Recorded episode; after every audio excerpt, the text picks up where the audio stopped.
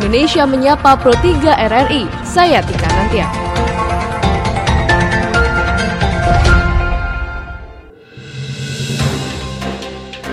Dari Jalan Medan Merdeka Barat 45 Jakarta, inilah Radio Republik Indonesia dengan Warta Berita. Bersama saya, Tika Anantia. Sari Berita, Polda Kalimantan Selatan beserta TNI menjamin perayaan Natal dan Tahun Baru berjalan aman dan lancar. Penambahan luas trotoar dan jalur sepeda tidak menjamin kemacetan di DKI Jakarta berkurang. Inilah Warta Berita selengkapnya. Polda Kalimantan Selatan beserta TNI serta unsur terkait lainnya menjamin perayaan Natal dan Tahun Baru di Banua dapat berjalan aman dan lancar.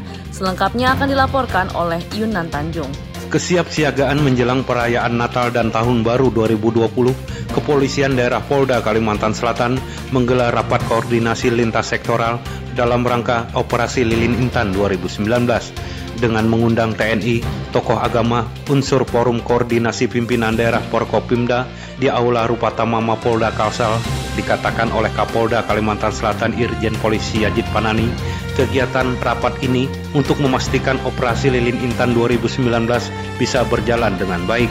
Terlebih dalam pengamanan Natal dan Tahun Baru, petugas kepolisian tidak bisa mengamankan sendiri karena itu diperlukan kerjasama baik dari TNI maupun instansi terkait lainnya agar pelaksanaan operasi ini berjalan dengan lancar dan aman termasuk pengamanan tempat ibadah. Apalagi saat ini situasi Kamtipmas di Banua sangat kondusif, karena itu pihaknya mengajak para tokoh agama dan masyarakat tetap menjaga keamanan dengan cara toleransi dan kerukunan umat beragama. Apa yang perlu kita siapkan? Ya tentunya pengamanan objek, pengamanan jalan, pengamanan kegiatan, termasuk juga bagaimana kita berupaya untuk menekan angka-angka kecelakaan. Kita berharap Natal dan Tahun Baru ini bisa terlaksana dengan aman, tertib, dan kondusif di wilayah Banua dan jajarannya. Potensi gangguan terus kita antisipasi. Oleh karena itu, kita masih ada ruang untuk melakukan upaya-upaya kesiapan dengan pengamanan yang melibatkan seluruh stakeholder. Sementara itu, Gubernur Kalimantan Selatan Sahbiri Nur yang diwakili Kepala Dinas Perhubungan Rusdiansah menyampaikan pada umumnya menjelang perayaan Natal dan Tahun Baru terjadi kepadatan arus lalu lintas. Oleh karena itu, perlu dilakukan operasi lilin intan 2019 sebagai deteksi untuk mengetahui setiap perkembangan situasi terkini. Ia juga menghimbau kepada Dinas Kesehatan, Dinas Perhubungan, Kesbangpol, dan Satpol PP agar mengaplikasikan tupoksi pekerjaan masing-masing dalam operasi lilin intan ini. Satu hal yang perlu diapresiasi bahwa operasi ini bersifat kemanusiaan yang menonjolkan pada kegiatan perlindungan, pengayoman, dan pelayanan Pengamat tata kota Nirwono Joga meminta pemerintah Provinsi DKI Jakarta untuk melakukan perhitungan matang sebelum melakukan perubahan pada badan jalan maupun trotoar yang bertujuan untuk mengurangi kemacetan. Dengan bertambahnya luas trotoar dan juga adanya jalur sepeda menurut Nirwono tidak serta-merta mengurangi kemacetan di ibu kota. Informasi selengkapnya kami hadirkan dalam sesi laporan khusus Pro 3 bersama Pradip Tarahardi. Laporan khusus. Laporan khusus. Laporan khusus. Kondisi jalanan ibu kota DKI Jakarta masih identik dengan kemacetan. Keberadaan bus Transjakarta, kemudian ada pula pelebaran trotoar, dan juga ditambah lagi kini ada jalur khusus untuk sepeda. Tidak membuat Jakarta bebas dari macet. Buktinya, kawasan Jalan Profesor Dr. Satrio, kemudian di kawasan Cikini dan juga masih banyak lagi jalanan di ibu kota yang masih belum bebas dari macet. Pengamat tata kota Nirwono Yoga mengatakan, pemerintah Provinsi DKI Jakarta sudah seharusnya memperhitungkan secara matang sebelum melakukan perubahan pada badan jalan maupun pada trotoar. Nirwono mengatakan salah satu contoh mudah yaitu jalur bus dan motor yang menjadi satu yang menurutnya justru menimbulkan kemacetan parah. Yang juga kita kritisi yaitu masih adanya jalur sepeda motor yang justru bergabung dengan bis reguler di tepi paling kiri ya. Nah, padahal kita tahu dengan adanya jalur yang bergabung ini saja bisa dipastikan akan menimbulkan kemacetan yang parah. Karena kalau bis reguler itu dia akan berhenti di setiap halte gitu kan. Nah, motor yang di belakang yang dalam satu jalur tadi pasti punya dua kesempatan. Satu dia ambil sebelah kanan di jalur kendaraan pribadi, atau dia di sebelah kiri, artinya dia nerobos masuk ke trotoar gitu. Nah, ini juga harusnya ditinjau kembali apakah iya jalur sepeda motor masih ada di ruas Sudirman Tamrin tadi yang sebenarnya kalau kita bicara soal keadilan dan kesetaraan justru akan mengancam keselamatan bagi pejalan kaki tadi. Selain itu Nirwono juga mengatakan keberadaan trotoar itu sendiri juga harus diperhatikan. Bukan hanya masalah estetika saja yang diperhatikan oleh Pemprov DKI tapi juga harus memperhatikan kondisi kenyamanan para pejalan kaki.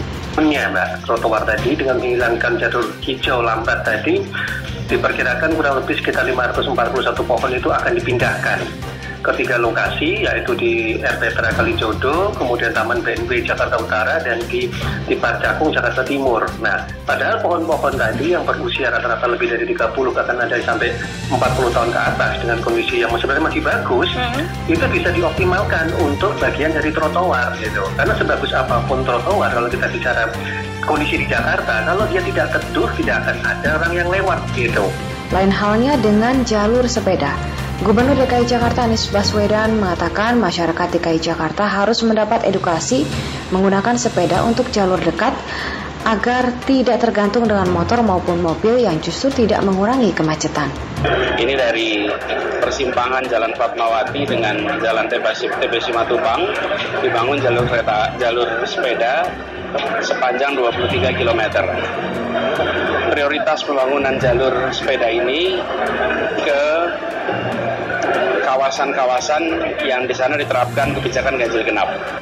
Mencontoh tata kota dan tata ruang negeri lain untuk diterapkan di negeri sendiri sejatinya tidaklah salah. Namun ada banyak aspek yang juga harus diperhatikan dan juga faktor penting lain seperti waktu dan juga kondisi kehidupan di kota tersebut. Jakarta masih bisa dipercantik, dipoles menjadi kota yang tertib dan aman serta asri dengan syarat Sebelum melakukan perubahan, semuanya sudah terkonsep rapi dan masyarakatnya juga sudah siap dengan perubahan tata ruang dan tata kota tempat mereka tinggal. Sekian warta berita produksi Radio Republik Indonesia. Pendengar berikut kami hadirkan komentar RRI yang menyoroti terkait dengan sejumlah hal kebijakan Gubernur DKI Jakarta yang sepertinya tidak kuat pengendaliannya. Komentar akan disampaikan dan disusun langsung oleh redaktur senior RRI, Widi Kurniawan, berikut ini. Editorial Pro 3 Selamat pagi. Banyak kebijakan Pemda DKI di bawah kepemimpinan Gubernur DKI Jakarta Anies Baswedan dipertanyakan oleh publik. Hal itu dilakukan karena dianggap tidak detail dan kurang teliti serta dinilai kurang memperhitungkan dampak dari kebijakan tersebut. Bukan soal jalan macet saja, tapi juga soal kebijakan lain. Salah satu misalnya adalah pemberian penghargaan Adikarya Wisata atas diskotik Kolesum yang kemudian dicabut kembali. Gubernur DKI Jakarta juga diprotes soal izin DWP atau Jakarta Warehouse Project. Belum lagi soal anggaran TGUPP. Anies Baswedan juga diprotes karena anak buahnya, seorang lurah di Jelambar Grogol Petamburan, bikin tes perpanjangan masa tugas sebagai PPSU dengan cara masuk got rame-rame. Korbannya adalah sang lurah karena dicobot oleh Anies. Harusnya pejabat lebih tinggi juga diperiksa. Banyak hal belakangan ini mengindikasikan persoalan pada manajemen kepemimpinan Anies Baswedan sebagai gubernur DKI Jakarta. Di sini seolah ada masalah span of control. Ini adalah protes jumlah orang atas kebijakan yang sifatnya tidak permanen. Sedangkan yang permanen ada juga, tapi belum dianggap secara serius oleh Anies Baswedan. Salah satu contoh adalah makin memprihatinkannya pengguna kendaraan bermotor yang menderita karena macet di Jakarta. Kebijakan pelebaran trotoar bagus-bagus saja, tetapi harusnya bukan mempersempit jalur kendaraan bermotor. Jadinya jalan makin sempit. Belum lagi ditambah jalur sepeda. Sudah disiapkan beberapa waktu, tapi belum banyak juga orang naik sepeda di ibu kota Jakarta. Kendati, kata Anies, promosinya adalah jarak Rawamangun ke Bali Kota lebih cepat naik sepeda daripada naik mobil. Namun yang jadi korban lagi-lagi adalah pengendara kendaraan bermotor. Jalurnya makin sempit. Tapi luar biasanya Anies Baswedan, sebagai Gubernur DKI Jakarta, orang protes dianggap biasa saja. Bahkan pada tingkat menteri yang mengkritisi Anies saja juga tidak diindahkan. Termasuk pula saat seorang anggota DPRD DKI Jakarta menyoal anggaran lem Aibon maka yang dianggap bersalah melanggar kode etik adalah anggota DPRD tersebut, bukannya Pemda DKI Jakarta. Itulah luar biasanya Anies Baswedan, gubernurnya orang Jakarta di ibu kota yang sekarang. Jadi, kalau soal macet-macet di Jakarta karena pelebaran trotoar, kata Anies itu adalah growing pain, sakit karena dalam proses penyembuhan. Jadi, dinikmati saja. Demikian komentar, selamat pagi. Pendengar kita akan menyoroti mengenai tata ruang dan tata kota DKI Jakarta yang mana Gubernur DKI Jakarta Anies Baswedan dalam pidatonya minggu kemarin menyatakan bahwa Jakarta adalah kota dengan penduduk yang paling sedikit berjalan kaki. Itu alasannya mengapa trotoar dilebarkan. Selain itu juga pendengar, ada beberapa wilayah dibangun jalur sepeda tapi hanya untuk hiasan saja. Nah, terkait dengan hal ini pendengar, mari kita simak bersama perbincangan Pro 3 bersama dengan Kepala Dinas Bina Marga DKI Jakarta, Hari Nugroho berikut ini.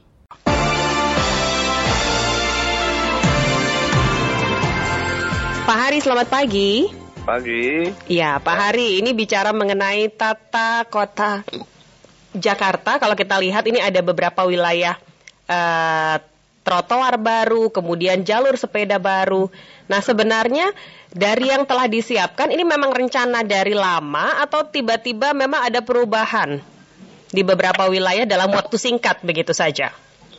Ya, ya, selamat pagi Mbak. Ya, jadi gini, itu sebetulnya sudah masuk dalam uh, eh, RPJMD kita di Renstra Dinas Bina Marga bahwasanya kita punya target tuh tiap tahun tuh 60 km ya 60 km per tahun. Nah uh, untuk pembangunan trotoar. Nah kita kemarin tahun ini itu kita targetkan sekitar 67 km dan tahun depan kalau kita bicara target 60 km per tahun itu bisa selesai itu sampai 50 tahun Jakarta ini karena panjang trotoar Jakarta ini kalau kita lihat kan hampir 2.600 km. Hmm. Sedangkan kita baru bangun tuh sampai tahun ini tuh baru berkisar 20 persen. Jadi memang ini kebutuhan yang sangat uh, vital bagi uh, untuk pejalan kaki kita. Jadi memang masih jauh harapan dari kita untuk kita mempunyai trotoar yang ideal di Jakarta ini gitu. Nah, dari 60 km trotoar ini, nah sekarang sudah bisa uh, menggapai atau membuat berapa panjang? Ya, itu tadi uh, dari 2.600 km itu kita pisahan baru 16 sampai 20 persennya. Hmm. Itu berarti kan masih jauh. Makanya tahun 2020 kita tingkatkan tidak 60, kita tingkatkan hampir 100 km. Dari 100 km ini makanya memakan biaya dari yang 1,4 T itu dipotong akhirnya menjadi sekitar 1 triliunan lah untuk tahun 2020. Hmm, berarti total anggarannya masih benar sama ya, sampai dengan satu T ya? Ya. Oke, meskipun kemarin, ya. ya kemarin DPRD juga sempat minta agar uh, dikurangi tidak begitu tidak tidak sampai satu triliun, tapi kenyataannya ya. membutuhkan dana satu ya, di, triliun rupiah ya? Ya, dipotong sekitar hampir 400-an. Mm -hmm. Baik, nah untuk saat ini fokus utama pembangunan trotoar itu di wilayah mana saja? Untuk tahun ini itu ada di 10 ruas jalan, yaitu yang di uh, Senen, Salimar Rahmat, Cikini Raya, kemudian di selatan itu ada di Kemang Raya Kemang sama Jalan Satrio, di Jakarta Timur ada di Jalan Utista, kemudian di utara tuh di Danau Sunter, ada di kemudian di Jakarta Barat tuh di Latu Menten itu. Iya. Pak Hari ini kalau dilihat kan sebenarnya membangun trotoar ini tidak hanya sekedar membangun tetapi juga kemudian e, merawat dan juga memberikan kesadaran kepada warga Jakarta. Nah, untuk masalah pemberian kesadaran kepada warga Jakarta sudah seperti apa?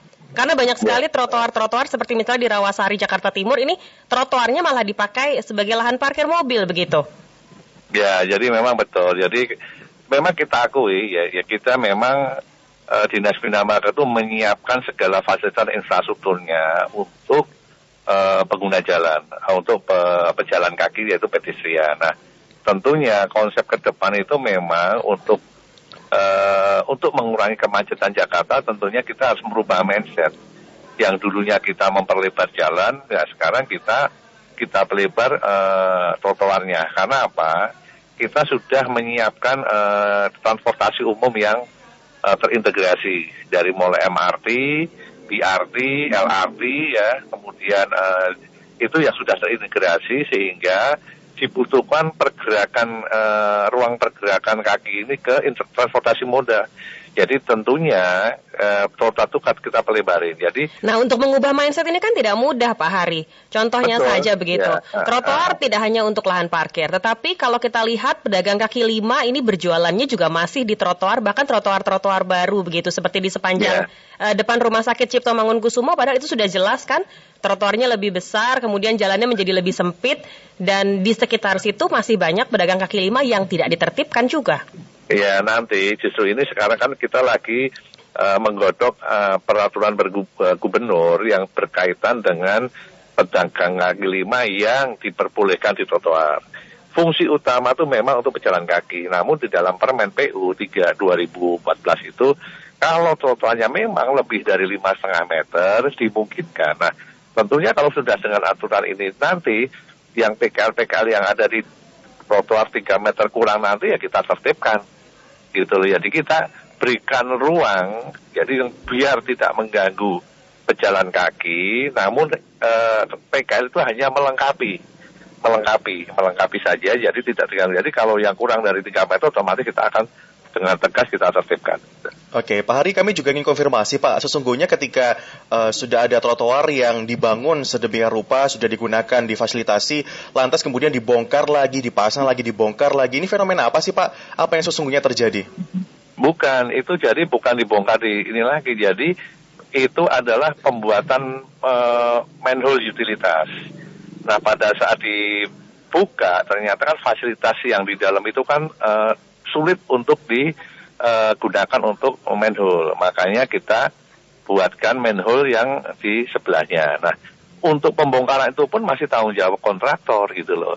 Jadi kita belum bayar sebelum manhole yang benernya itu terbangun. Memang sebelumnya tidak ada perencanaan yang matang begitu Pak? Perencanaan sudah ada. Jadi kita memang kalau kita lihat, kalau kita bicara utilitas di Jakarta, memang sudah kerodi dari awalnya. Jadi hmm. kita membangun trotoar ini mungkin uh, bisa dilihat dari yang uh, kabel udara yang menjuntai-juntai ini yang dulunya di Keramat Saleh Bacikin itu ber, uh, apa, lah ya. Itu sekarang jadi bersih. Jadi kita menata utilitas itu tidak segampang yang kita bayangkan.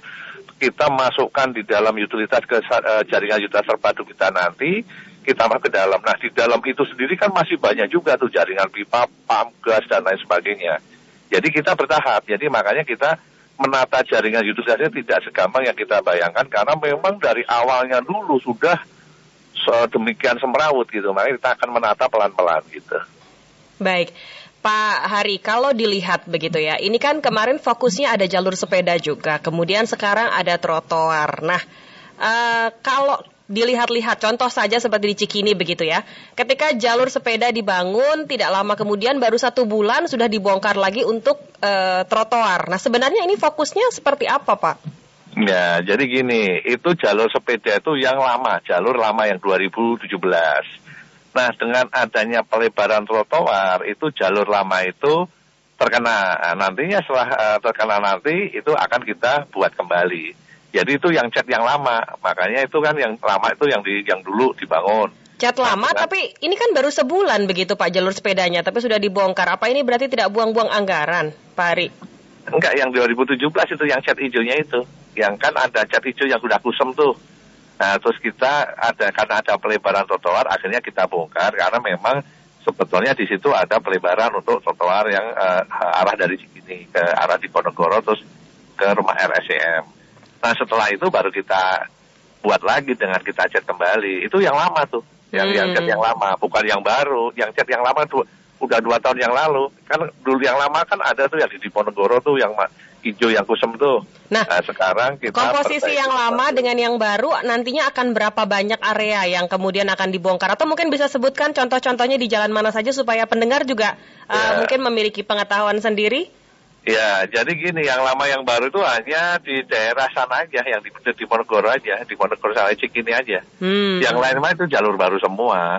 Dan perlu diketahui juga, kita baru merencanakan membuat itu baru 63 km dari 500 km yang akan kita bangun untuk jalur sepeda. Nah untuk tahun depan itu jalur sepeda itu sudah terintegrasi di dalam trotoar. Jadi nanti tidak lari ke bawah jalan, tadi kita buat di dalam trotoar yang trotoar yang lima setengah meter nanti, di antaranya satu setengahnya ada di jalur sepeda. Jadi nanti kita akan buat yang komplit street itu. Pak Ari, sesungguhnya kalau Jakarta sendiri ini sudah ramah difabel belum sih Pak? Karena guiding blocknya ini kok antara serius nggak serius gitu loh Pak untuk membangunnya di trotoar?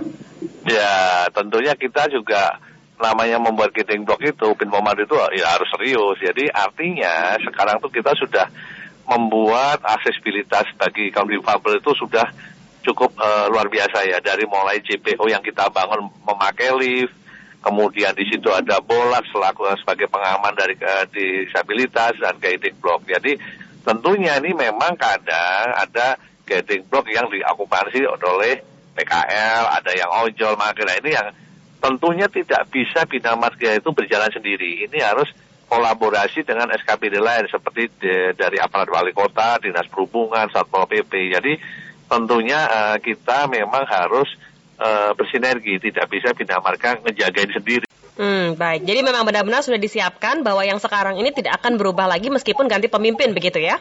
Enggak, insya Allah enggak. Pak Hari, saya ingin juga tanya Pak, kalau memang dari pejalan kaki ini kan uh, besar animonya karena mereka juga pengguna transportasi massal otomatis mereka untuk uh, dari perpindahan begitu ya itu pasti mereka menggunakan uh, trotoar untuk berjalan kaki. Lantas Adakah Pak advokasi dari para pengguna jalan kaki ini Pak? Karena kadang mereka itu merasa terancam banyak uh, pengguna jalan trotoar yang bukan sesungguhnya mereka menggunakan, mereka seakan-akan semena-mena begitu seperti uh, ojek online saya sebutnya seperti itu karena mereka sering uh, brutal begitu Pak di trotoar.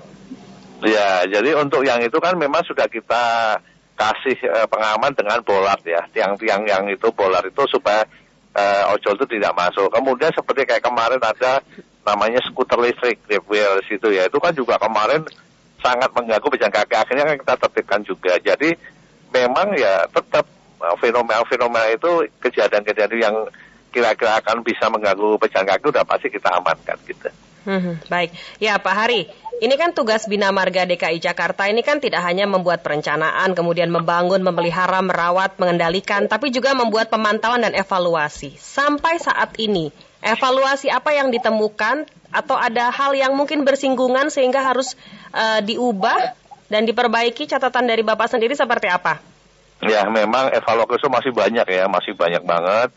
Uh, contohnya satu, kita tuh harus merapikan uh, kabel utilitas yang di atas.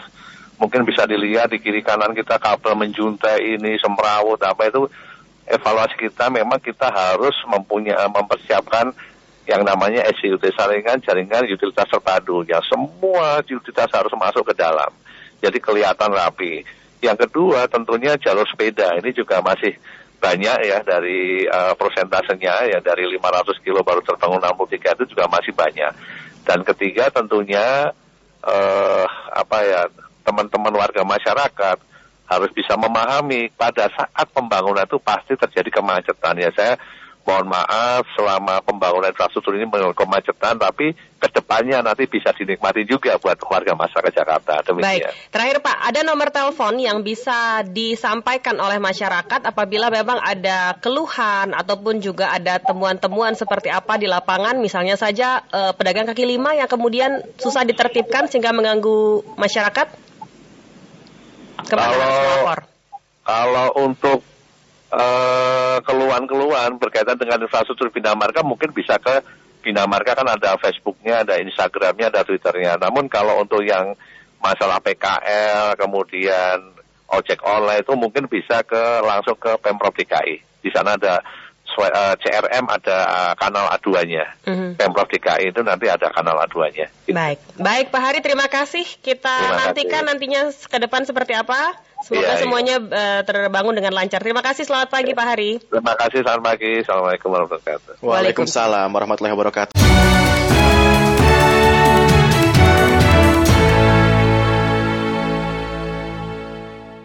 Pendengar informasi tadi sekaligus mengakhiri perjumpaan kita pada podcast edisi hari ini untuk Indonesia Menyapa Pro 3 RRI Produksi Radio Republik Indonesia. Saya Tika Nantia undur diri, sampai jumpa, salam.